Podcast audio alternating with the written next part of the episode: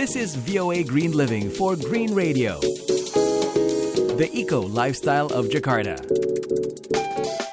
Halo sahabat Green, Pemerintahan Obama mengusulkan larangan berenang dengan lumba-lumba spinner di Hawaii, sebuah langkah yang akan menghapus impian liburan banyak wisatawan tetapi akan memungkinkan spesies nokturnal atau hewan yang aktif pada malam hari dan beristirahat pada siang hari ini untuk dapat tidur pada siang hari.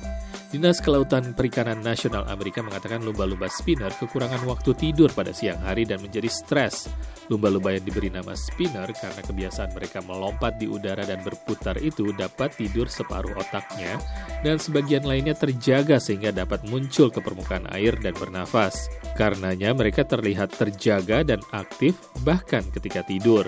Ann Garrett dari Dinas Kelautan Perikanan Nasional Amerika mengatakan mengganggu lumba-lumba saat beristirahat dapat membahayakan mereka. Ia mengatakan kurang istirahat dampaknya seperti manusia. Jika tidak cukup istirahat, kita dapat mengalami masalah kesehatan. Sakitnya bisa memburuk. Kita tidak dapat berfungsi normal selayaknya cukup tidur.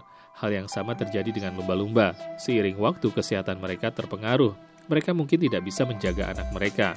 Mungkin anak-anaknya diabaikan, meninggalkan habitat mereka dan dampak kerugian jangka panjangnya adalah mengurangi tingkat populasi mereka. Lumba-lumba berburu pada malam hari dan berkumpul di teluk dangkal pada siang hari untuk berlindung dari predator. Ini merupakan atraksi populer bagi wisatawan. Puluhan perusahaan mengoperasikan wisata lumba-lumba di pulau-pulau Hawaii setiap hari. Aturan yang diusulkan ini akan mencakup perairan seluas hampir 4 km dari pantai, di mana 98% lumba-lumba spinner Hawaii beristirahat pada siang hari. Kantor Dinas Kelautan Perikanan Nasional berencana mengadakan pertemuan publik terkait peraturan itu bulan depan dan diperkirakan akan membuat keputusan akhir tahun depan. Pemerintah Amerika sebelumnya telah menetapkan peraturan khusus melarang orang-orang mendekati paus bungkuk dengan jarak kurang dari 100 meter di Hawaii dan Alaska dan paus pembunuh di Puget Sound. Ini akan menjadi peraturan pertama yang melarang berenang dengan lumba-lumba spinner. Dan sahabat Green, demikian informasi lingkungan hidup kali ini. Saya Ian Umar segera pamit dari VOA Washington. Stay green on Green Radio.